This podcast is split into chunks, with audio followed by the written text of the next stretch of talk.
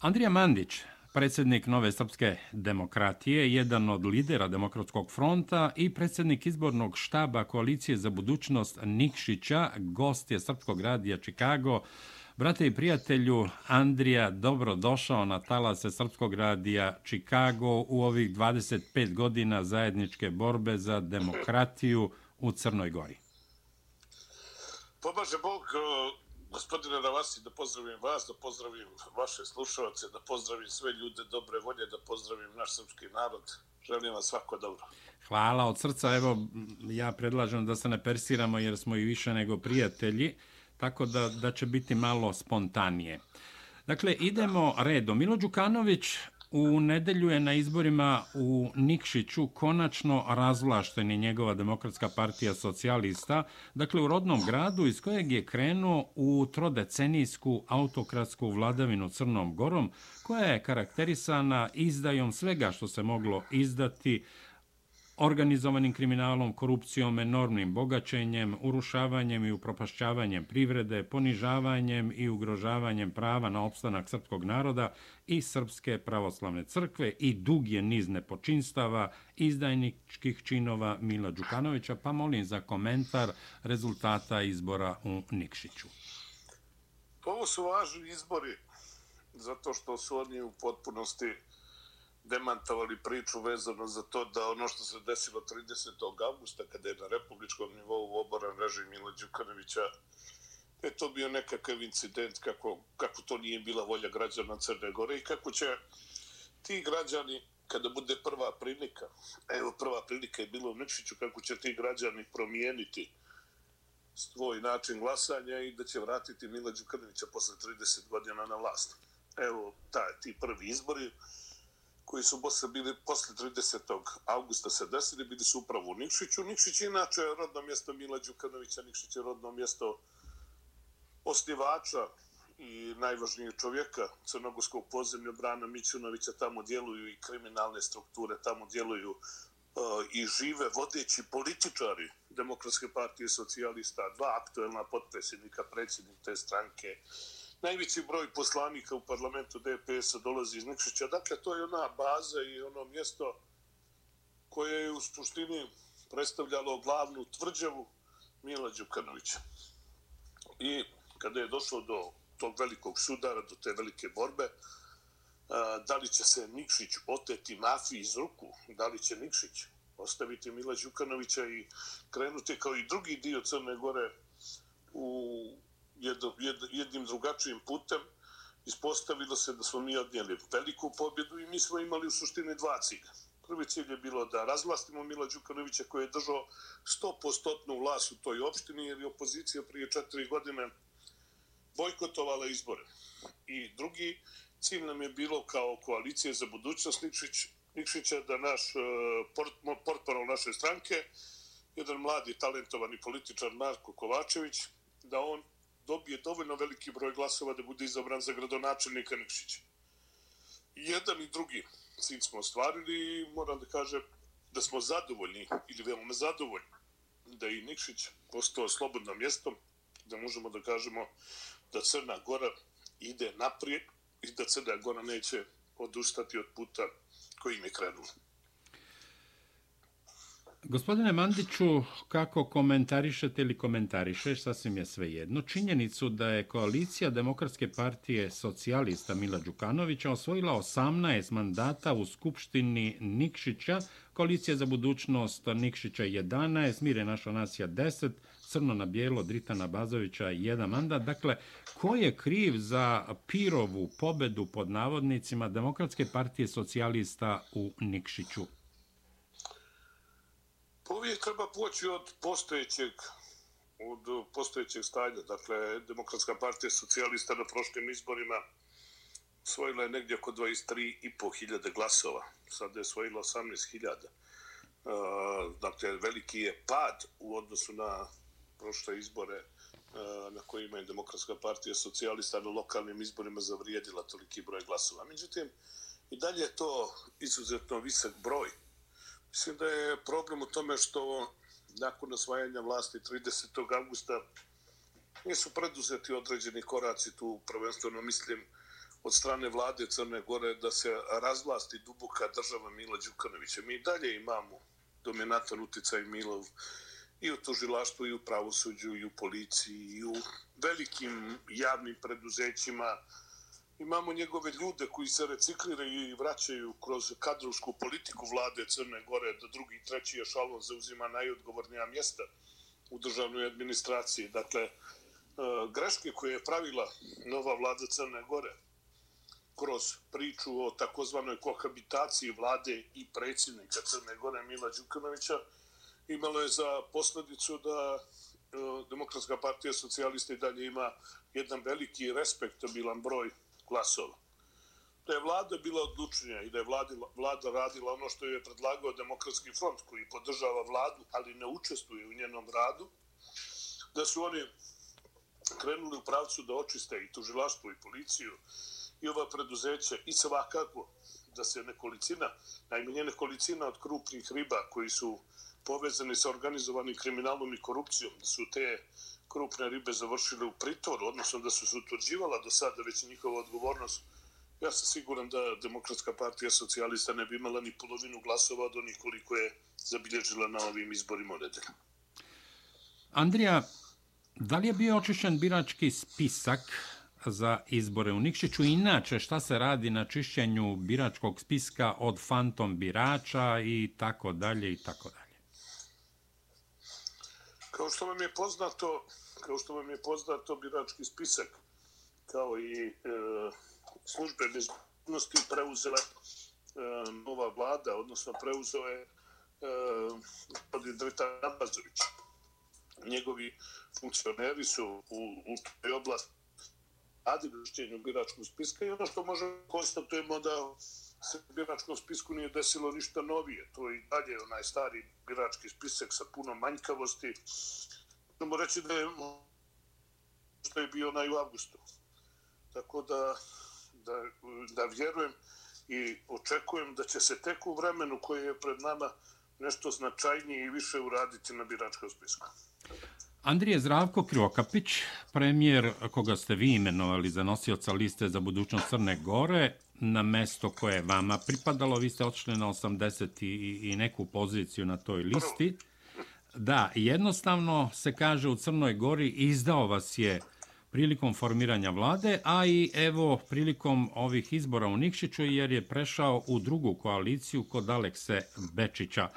Pokazao je da ga ne krase bar baš osobine, kako se kaže u Crnoj Gori, čojstva ali i da je beznačajan politički faktor nakon ovih izbora u Nikšiću. Da li će doći do rekonstrukcije takozvane ekspertske vlade, koju mnogi zovu diletantska, i da li će se konačno krenuti u čišćenje takozvane duboke države Demokratske partije socijalista i Mila Đukanovića? Pa ako uđemo od osnovne činjenice da je neophodno očistiti duboku državu Mila Đukanovića i dovesti u jedan prirodni poredak stanje u Crnoj Gori, onda je neophodno da dođe do određenih promjena u vladi. E, mi smo gospodinu Krivokapiću, koji je na ovim izborima napravio jedan veliki zaokret, mi smo ga postavili od anonimnog čovjeka, nepoznatog, na molbu našeg mitropolita, na molbu ljudi iz crkve, postavili smo ga s nosioca liste. On je posle toga tražio da formira i manjinsku, takozvanu ekspertsku, ali tamo je ponajmanje eksperata, e, dočekali smo da na izborima u Nikšiću nosilac naše liste podrži drugu listu i prosto e, dobije jedan e, nadimak da su se stariji Nikšićani skloni šali da su ga zvali Zdravko Preletačević. To je da. ono što, što se u Nikšićani upamtili da, pa da je toga i ranije bilo. Prije tamo je neki Drago Đurović koji je 2012. godine mijenjao partijske dresove, prelazio na drugu stranu. Ali i to što su što je on podržao listu predsjednika parlamenta Bečića, što su bili svi zajedno. Jedino smo mi bili bez ikakve podrške. Jedino smo se mi pojavili bez takozvanih državnih rotacijenih svijetlja. E, to što su bili zajedno predsjednik parlamenta i predsjednik vlade na jednoj listi, pa su oni treće plasirani. To što je predsjednik države Đukanović i donedavna vlast u Nikšiću bili zajedno, i to im nije pomoglo da zadrže vlast. Ipak je snaga naroda znala e, koga treba podržati. Oni su snažno podržali našu listu, oni su podržali to, kažem, novog mladog političara Marka Kovačevića. I ja sam siguran da će u ovom vremenu koje je pred nama otvoriti se čitav niz procesa, ne samo proces promjene vlasti u, u Nikšiću, nego da će se otvoriti i procesi u vladi Crne Gore, gdje će oni nesposobni ministri, evo, govorili ste konkretno o problemu čišćenja biračkog spiska, mi imamo još sijaset problema. Crnogorska ekonomija po svim pokazateljima je najgora, najgora u Evropi. Naš, bra, naš pad bruto društvenog proizvoda je najveći. Crna Gora po broju oboljelih od korone takođe e, ne najgora nego prva u Evropi. Dobro bi bilo da smo tu najgori na 100.000 stanovnika imamo najveći broj oboljelih. Smrtnost je izuzetno velika tih ljudi koji su oboljeli od korone. Dakle, jedna katastrofalna situacija i jedno nesnalaženje e, koje nismo očekivali da će raditi vlada koju smo mi podržali. Dakle, neophodno je da se nešto promijeni. Da li je te promjene podrazumijevaju da dođu drugi ljudi ili će ovi postojeći raditi bolje, ali ovako stanje je prosto neodrživo. A, Andrija, šta mislite o izjavama, evo ja sam jednu takvu čuo jutros iz Beograda, a, da Zdravku Kriokapiću treba ostaviti vremena. Sa jedne strane, naravno, nemoguće je u, u, u 100 dana, koliko traje ova vlada, uraditi nešto radikalno kada je u pitanju povlačenje priznanja takozvane države Kosovo, a, sankcija Rusiji, u vezi sa članstvom u NATO alijansi i tako dalje i tako dalje, ali moguće je neke stvari uraditi na polju unutrašnje politike, radio televizija Crne Gore, agencija za nacionalnu bezbednost, rešenja u policiji i tako dalje. Halo? Da, da, da. I, i, jesmo se čuli? Da, da, da. Pa neophodno je uh, da se naprave neki zaokreti u odnosu na politiku koju vodi Zdravko Krivokapića, koja je u suštini kontinuitet politike ili vlade Mila Đukanovića. Mi imamo ne, ne nivo sankcija koje je vlada Mila Đukanovića uvela Rusiji, nego je vlada Zdravka Krivokapića taj nivo sankcija podigla za jedan stepen više. Mi imamo odnose sa Srbijom gore nego što su bili u vrijeme Mila Đukanovića. Vlada Mila Đukanovića pri istaka svoga mandata protjerala je ambasadora Srbije Vladimira Božovića, tvog i mog prijatelja, Milorade, Tako je. mog kuma i mog prijatelja, i uh, vlada Zdravka Krivokapića ga drži izolovano i tako da gotovo diplomatski odnosi Srbije i Crne Gore na nivou ambasadora, iako smo obećali našim izbornim programom i dobili E, podršku građana da ćemo u spoljnoj politici napraviti radikalan zaokret tako što ćemo od loših odnosa Srbije i Crne Gore učiniti najbolje moguće odnose. Nažalost, to se nije desilo da nas odnosi Srbije i Crne Gore na istom nivou ili možda i nižem nego što su bili u vrijeme Mila Đukanovića. A što se tiče zaduženosti ove zemlje, koja je uh, bila izuzetno zadužena, ona je danas spada, jer je vlada Krivokapića uzela kredit od 750 miliona po vrlo nepovoljnim uslovima, ona spada u najzaduženije u regionu. Dakle, naša svakodnevica, pa i budućnost izgledaju veoma sumorni i nešto mora da se radi kako bi se to stanje popravilo. A ko su pod navodnicima uhljebi gospodine Mandiću o kojima govori Zdravko Kriokapić, kako on neće dozvoliti partijskim uhljebima da uđu po dubini u vlast u Crnoj Gori? Pa uhljeba nema nikakvih, ali ima ljudi, pogotovo ljudi srpske nacionalnosti, koji su 20 godina ili 25 godina od strane režima bili progodjeni kojima nije bilo dozvoljeno da se zaposle, kojima nije bilo dozvoljeno da se školuju, kojima nije bilo dozvoljeno da se obrazuju na maternjem srpskom jeziku. Ljudi kojima je nanijeta velika nepravda, dok su svi oni drugi koji su bili spremni da se odreknu srpskog nacionalnog identiteta, koji su bili spremni da se odreknu srpske pravoslavne crkve, imali prednost na svim poljima društvenog rada i ostvarivanja konkretnih prava. Sada kada se promijenila vlast, prvenstveno snagom srpskog naroda i vjerujućih ljudi iz Srpske pravoslavne crkve, onaj koji je došao negdje na tom talasu za prvog čovjeka Crne Gore, prosto ne primjećuje te patnje tog našeg srpskog naroda koji bi želio da se ta nepravda ispravi i da imaju iste šanse ili jednake šanse kao svi drugi koji su dugi niz godina zbog toga što nisu bili Srbi mogli da se zaposle. Sada se njima, tim mučenicima, tim ljudima koji su toliko patili, njima se sada pripisuje ta ljudska potreba i ljudska želja da oni imaju radno mjesto, da i oni mogu da zaposle svoju djecu, to im se sada pripisuje da su oni neki uhljebi. Nisu oni nikakvi uhljebi, oni su samo jedni mučanici koji traže da dobiju posao, da dobiju mogućnost da rade. Nisu oni bili baš u poziciji u kojoj je bio Zdravko Krivokapić, koji je dobio stan, veliki, ogromni, raskošni stan od režima Mila Đukanovića, jeste on univerzitetski profesor, ali nisu baš svi univerzitetski profesori dobili to. Nisu imali mogućnost da budu u raznim vladinim i nevladinim organizacijama. Nisu bili u prilici da mogu da imaju kuću na moru i, e, i, da ne trpe nikakve ekonomske posljedice za to što su bili u svoju crku i u svoj narod.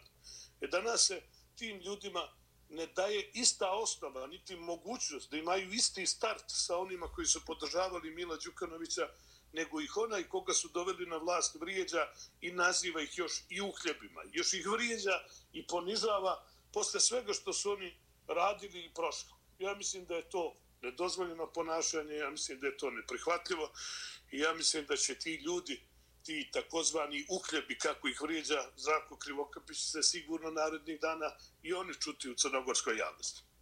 Gospodine Mandiću, sudbina Mila Đukanovića od žute grede do spuža, kažu mnogi, da će Milo Đukanovića, ako bude pravde, završiti u zatvoru u spužu ili će pobeći u Emirate, odnosno Argentinu. Između ostalog, on je danas ponovo potvrdio svoju izjavu da ga ne iznenađuje retorika političkih protivnika koji, kako on tvrdi, u njemu vide posljednju barijeru za ostvarivanje svog nauma da Crna Gora ponovo bude plen pod navodnicima velike Srbije. Dakle, on stalno apostrofira neku opasnost od velike Srbije, od poništenja nezavisnosti Crne Gore do Crne Gore koja treba da postane deo nekog srpskog sveta i posebno apostrofira vas i, i, i Milana Kneževića kao eksponente srpske i proruske politike koja želi da od Crne Gore stvori veliku Srbiju. Odnosno da postane velika Srbija. Pa na posljednjem popisu koji nije bio slobodan, gdje je podnijeto više krivičnih prijava protiv ljudi iz zavoda statističkog zavoda koji se bavi organizacijom popisa, jedna trećina građana Crne Gore se iskazuje da su nacionalno Srbi. Gotovo dvije trećine pripada Srpskoj pravoslavnoj crkvi, a gotovo 50% govori srpskim jezikom. Dakle, e, Crna Gora je i srpska država. Prema tome, ta potreba Đukanovićeva da guši srpsko nacionalno biće, da ga nasilno asimiluje, da ga diskriminiše, osjeća Đukanović da se tome bliži kraj i straga je e, kako će se u narednom periodu u slobodnoj Crnoj Gori ponašati i oni mnogi ljudi koji su bili prisiljeni da odustanu od srpskog nacionalnog identiteta i mnogi od njih će se sigurno na popisu vratiti identitetu svojih predaka. Crna Gora je u vremenu kada je bila nezavisna, u vremenu Petrovića je bila podjednako srpska kao i Srbije. Od 45. godine nije tako. Nego od 45. godine se promijenilo, pojavila se crnogorska nacija i naravno mi nismo birovani za priznavanje nacija ni za uvjeravanje bilo koga kojoj naciji treba da pripada, ali smo kao političari neko ko je dužan da vodi računa o svome narodu i da im se omoguće prava da budu ravnopravni sa drugim narodima i sa drugim pojedincima. Evo recimo prvi put posle 80 godina u Nikšiću će gradonačelnik biti Srbi. Od 40. godine, od vremena jednog velikog čovjeka Luke Mijuškovića, koji je bio pripadnik radikalne stranke Nikole Pašića, potom i Milana Stojadinovića, evo Marko Kovačevića danas, posle kažemo 80 godina, Srbi će biti gradonačelnik Nikšića. To je ono što strašno pogađa Mila Đukanovića, to pogađa crnogorske separatiste, to je ono što ih uznemirava. Jer koliko je Crna Gora bila srpska zemlja, to se vidi i po tome što između dva svetska rata, recimo nekadašnji predsjednik vlade Milan Stojadinović, na svim izborima na kojima je učestvovao, a to su bilo one većinska, većinske izborne liste gdje je Kraljevina Jugoslavija bila podijeljena na veliki broj izbornih jedinica, uvijek se kandidovo iz Nikšića. Znači nije se kandidovo iz neke varoši u Srbiji ili iz nekog kraja u, u Republici Srpskoj, nego je baš imao tako snažno uporište da je na izborima uzimao poslanički mandat sa teritorije današnje Crne Gore koja je bila srpska. E to Mila Đukanovića boli pošto on dobro zna, kao i mnogi srpski otpadnici, znaju kakva je energija e, srpskog naroda i da su ti procesi zatiranja srpstva na nekim prostorima ne nepovratni kao što se desilo tamo gdje je bio Jasenovac, kao što se desilo tamo gdje su djelovale utružene udružene zločinačke grupe, ali u Crnoj Gori da je taj proces povratljiv i da će mnogi ljudi željeti da se vrate tradicionalnom nacionalnom identitetu, a to je ono što njega najviše boli, jer će oni vraćajući se tradicionalnom nacionalnom srpskom identitetu znati da ih prepoznaju dobro one koji su izdali taj nacionalni identitet, koji su izdali srpstvo, izdali Srbiju, izdali Srpsku pravoslavnu crku, a u tom katalogu izdajnika Đukanovića se kotirati na veoma visokom mjestu. Pretpostavljam negdje odmah tu, pored onog Sekule Drljevića. Da, Andrija, vi ste u kontaktu naravno i sa vlastima u Srbiji, sa predsjednikom Aleksandrom Vučićem. Dakle, Srbija ima ustavnu obavezu da brine o svom narodu u okruženju, dakle u Crnoj Gori, Bosni i Hercegovini, Makedoniji, Hrvatskoj i tako dalje, ali i u rasejanju. Dakle, da li ste ikad čuli da neko u Srbiji od predsjednika Aleksandra Vučića pa ne znam, do, do nekog ministra kaže da ima nameru da asimiluje Crnu Goru i da je priključi Srbiji. Ja nikad ja to nisam čuo od nijetkog u Srbiji. Čak e, od političara iz Srbije i političara iz Republike Srpske, mi nikada nismo imali ništa ružno, samo dobro. Mi nikada nismo imali neki akt nepoštovanja Crne Gore izuzev dubokog uvažavanja svakog njenog građanina, građanina, uvažavanja njene istorije uvažavanje svega onoga što je Crna Gora, ne naša generacija, ali generacije prije nas zaslužile tu vrstu poštovanja. Dakle, e, ne postoji nikakve namjere loše prema Crnoj Gori, ali da postoji e, ozbiljnosti države Srbije, da vodi računa o svojim sunarodnicima na način kako to rade i druge zemlje, to svakako da postoji. Iako će neko da se bavi ozbiljno politikom. Uh, ako neko želi u Crnoj Gori da razmišlja o budućnosti ove zemlje, taj uvijek mora kalkulisati i računati da Crna Gora treba da ima najbolje moguće odnose sa najjačom državom u regionu, a to je Srbija. Kada tome dodate da je Srbija i naša bratska država, da u Srbiji žive naši sunarodnici, da je ta Srbija uvijek bila saveznik i prijatelj Crne Gore, onda je takva politika ne samo poželjna, nego takva politika je obavezujuća. A s tim u vezi, e, poznavajući vas dugi niz godina, e, prosto ono što znam iz privatnih razgovora i, i javno prilikom gostovanja na talasima Srpskog radija Čikago, vi apsolutno nemate nikakav problem sa tim da Crna Gora ima dobre odnose sa Sjedinjenim američkim državama, ali onda posebno sa Rusijom, Kinom i, i, i drugim prijateljskim zemljama. Pa naravno. Naravno, svi znaju kako smo mi ideološkog opredjeljenja. Evo malo prije, kada sam pominao, pominjao ovoga eh, nekadašnjeg gradonačelnika Nik, Nikšića Luku Mijuškovića, a, njega su ubili komunisti 45. godine. Crna Gora je zemlja koja je najviše stradala kada bi se uzeo u obzir broj stanovnika a, koje je imala Crna Gora 41. 45. Pa u Sloveniji e, je od strane komunista e, 45. ubijeno više od 10.000 e, ljudi iz Crne Gore koji su se kretali upravo prema tim zapadnim saveznicima da bi izbjegli ono što ih je zadesilo, ali nisu imali sreću kao što su imali sreću ljudi koji su bili pod komandom Vojislava Đujića koji je izvukao svoj narod. Naši preci nisu imali tu sreću, ali onda je Eh, onda su naši rođaci komunisti iskoristili tu priliku, tu, to, to ubistvo eh, više od 135 sveštenika, ubistvo našeg mitropolita Ionikija, ubistvo ogromnog broja intelektualaca, oficira, eh, vrijednih ljudi, uglednih domaćina.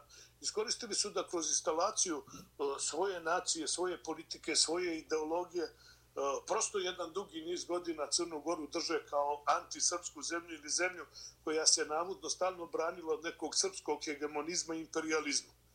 Danas, kada dolaze vremena u kojima je pobjedio i višepartijski sistem i sloboda i demokratija, eh, sve te stvari treba još jednom preispitati i prevrednovati, o svemu treba otvoreno popričati, a posebno je važno da se odredimo i suočimo sa tim strašnim stranicama iz naše prošlosti. Vidite, vlast Mila Đukanovića tražio od građana Crne Gore i tražio od političara u Crnoj Gori da se suočimo sa prošlošću vezano za rat 91. 95. u Crnoj Gori, u, u, u bivšoj Jugoslaviji. Tražio da se izjasnim o svakom stratištu koje je bilo iz tog vremena. Ali ti isti ljudi ne žele da se suoče sa našom prošlošću i da zajednički popričamo a ko je to nakon završetka drugog svetskog rata bez ikakvog suda i suđenja ubio te ljude? Ko je izvršio taj teški ratni zločin? Danas u Crnoj Gori ima na hiljade ljudi koji se nalaze bačeni u jamama, što su ih tamo pobacali u vrijeme rata, oni koji su pobjedili 45. Dakle, neophodno nam je to suočavanje i sa prošlošću da bi na tim lošim iskustvima, danas nema naravno u Crnoj Gori živih ni jednih ni drugih, ni pobjednika iz rata, ni oni koji su poraženi. Ali mi njihovi potomci treba da se pozabavimo tom temom kako bi uh, uspjeli da izanaliziramo tu situaciju i da nam se više nikada ne ponovi to slo koje nas se desilo nekada. Andrija, specijalni državni tužilac Milivoje Katnić, takozvani Talik, je nesmenjiv. On očigledno, bar tako kažu poznavaoci prilika, ima u fiokama i delove, odnosno članove aktuelne vlasti. Sa druge strane, njegov pulen, instruisani takozvani svedok saradnik Saša Sinđelić osuđen je u Hrvatskoj ta presuda i potvrđena na 21 godinu zatvora zbog ubistva. On je bio glavni svedok protiv vas i, i Milana Kneževića u procesu takozvani državni udar. Hoće li se usvojiti u Skupštini Crne Gore novi zakon o pravosuđu, hoće li Milivoje Katnić biti smenjeni, šta će se dešavati s tim u vezi? Pa taj zakon treba da bude usvojen, ne znam, naše kolege iz parlamentarne većine nas nisu ispratile, odustali su nekoliko dana prije usvajanja zakona i to mi je veoma žao što nismo već dosad smijenili Milivoja Katića. To je bilo neophodno iz više razloga, ne samo zbog tog sileđista u sudskom procesu za laže državni udar, nego što taj čovjek teško remeti odnose u Crnoj Gori. To je zaštitnik porodice Đukanović i svi njegovi procese koji su vezani za politiku, uglavnom su u funkcije odbrane like i dijela predsjednika Crne Gore Mila Đukanovića. Ono što je za nas teško prihvatljivo da vlada koju smo mi izabrali, da oni koji su zaduženi da se pobrinu uh, u onim oblastima koji se koje su vezane za uh, za uh, taj odnos prema tužilaštvu i pravosuđu da nisu gotovo uradili, uradili ništa. Ja vjerujem da će se to stanje mijenjati, ja vjerujem da će situacija koja će nam se postaviti da će biti e, mnogo bolja i mi ćemo na tome svakako istrajavati. A koliko je bio smiješan ovaj proces, svjedok saradnik je dužan da govori istinu i da odgovori na svako pitanje istinito, jer ako jedno pitanje ne odgovori istinito, on gubi status svjedoka saradnika i njegovo suđenje ne i njegovo svjedočenje ne vredi ništa.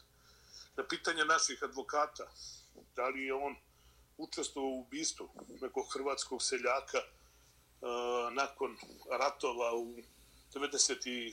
8. godine, nakon završetka ratova u Hrvatskoj, zbog materijalne koristi, jer je, ga je opljačkao uh, E, i uzeo njegovu imovinu, taj svjedok saradnik, lažni svjedok saradnik Saša Sinđelić je rekao da to nije tačno, da su to izmišljotine, da su to podmetanja, a evo sada u Hrvatskoj on je pravo osuđen kao ubica. Dakle, svaka istina i svaka priča koju je on tvrdio u navodnim nekim vezama sa Rusima, o navodnom vezama sa nekim ljudima iz Kosova i Metohije, o nabavci oružja za lažni državni udar, sve to bilo smiješno, sve to izmišljeno, sve to bilo u funkciji odbrane Mila Đukanovića koji je trebao da bude smijenjen ne 2020. godine, nego 2016. da nije bilo to lažnog državnog udara.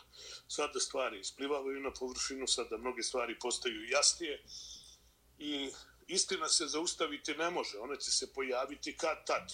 Dobro je da se pojavila sada, prije konačnosti i pravosnažnosti one monstruozne presude od prethodnog sudskog vijeća koja je željela da gotovo 100 godina stavi u zatvor nevine ljude. Dobro je da imamo da imamo ova dešavanja i u Hrvatskoj da imamo reviziju na apelacijnom sudu koja je uvažila žalbe naših advokata i da imamo sad ipak jednu čistiju i jasniju situaciju. Andrija, evo i pri samom smo kraju našeg današnjeg razgovora.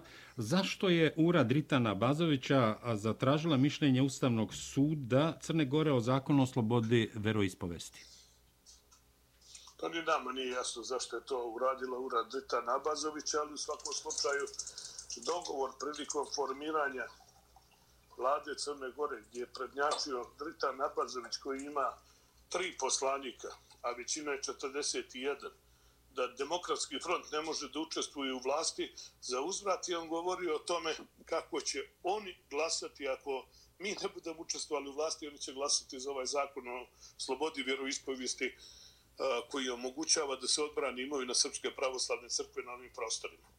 E. I naravno, pošto uvijek možete da očekujete da dogovori sa onima koji čvrsto ne vjeruju ono što rade, da mogu da se izigraju, tako je i ovdje bilo. On je glasao u parlamentu za taj zakon, ali je odmah nakon tog glasanja podnio e, uh, prestavku u Ustavnom sudu da se provjeri da li je to njiho, da li je usvajanje ovog zakona, da li je taj zakon u skladu sa Ustavom.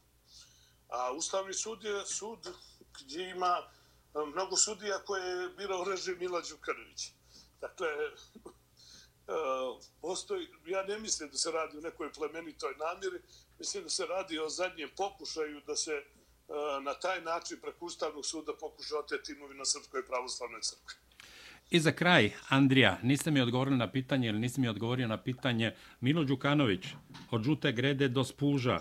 Da li će ići u zatvor ili će pobeći u Abu Dhabi ili Argentinu? Posebno, evo u svetlo informacije, da je podgorička kompanija BB Solar Blaže Đukanovića, sina šefa države Mila Đukanovića, prošle godine poslovala sa dobitkom od milion i četvrsto hiljada evra procenjuje se posebno vlasnik Atlas grupe Duško Knežević procenjuje da je imovina Mila Đukanovića što u nekretninama što u, u gotovini da se meri cifrom od milijardu i 200 miliona evra Milo u Spužu ili Beg iz Crne Gore? Po raznim istraživačkim agencijama i podacima koji su ne naši ovdašnji, nego rađene od strane relevantnih međunarodnih institucija, Milo Đukanović važi za jednog od najbogatijih političara u Evropi. On, eh, naravno, poput drugih komunističkih jugoslovenskih političara, kada je ušao u politiku, nije imao ništa. Ali zloupotrebljavajući moć i mjesto na kome se nalazi, opljačkajući Crnu Goru, tada se stigao do tog iznosa prema procjenama, kažem, relevantnih institucija, do milijardu i 200 miliona evra ja mislim da zbog svega što je uradio Crnoj Gori, ako u Crnoj Gori se uspostavi pravna država i naravno ljudi budu odgovarali za ono što su za to što su kršili zakone da Đukanović mora da se suoči sa posljedicama tih kriminalnih radnji i konkretnih korupcionaških aktivnosti od kojih E, smo mi u Crnoj Gori upoznati na desetina privatizacije kombinata aluminijuma, masovne vaučerske privatizacije, privatizacije telekoma, šverca cigareta, šverca narkotika, to su e, strašni poslovi koji su donosili enormne zarade, ali kojima su ljudi gubili živote. Da će moje pretpostavka ako zakasni na onaj avion koji ga vodi na sigurnu destinaciju, da će se sigurno suočiti sa snagom pravne države. Andrija, A hvala ti što si bio gost Srpskog radija Čikago. Nadam se do, do skorog viđenja u, u potpuno slobodnoj Crnoj Gori, razvlaštenoj od kriminala i korupcije, organizovanog kriminala pod broj 1, mafijaškog udruživanja i, kako reče juče Duško Knežević, Milo Đukanović mora da odgovara i za desetine ili stotine zločina, odnosno ubistava koje se desila proteklih 30 godina u Crnoj Gori, ali i u regionu sa njegovim pečatom.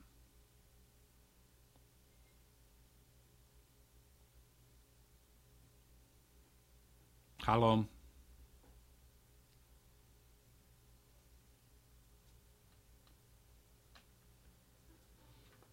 Poznaje mnogo bolje nego što poznaje bilo koji opozicioni političar u Crnoj Gori ili političara današnje vlasti. Da, imali smo mali prekid. A, dakle, e, e, ja sam izvoleo da te pozdravim bratski i prijateljski i da poželim svako dobro. U svakom slučaju, hvala što si odvojio svoje vreme i bio gost Srpskog radija Čikago kao i svih ovih proteklih 20 i nešto godina.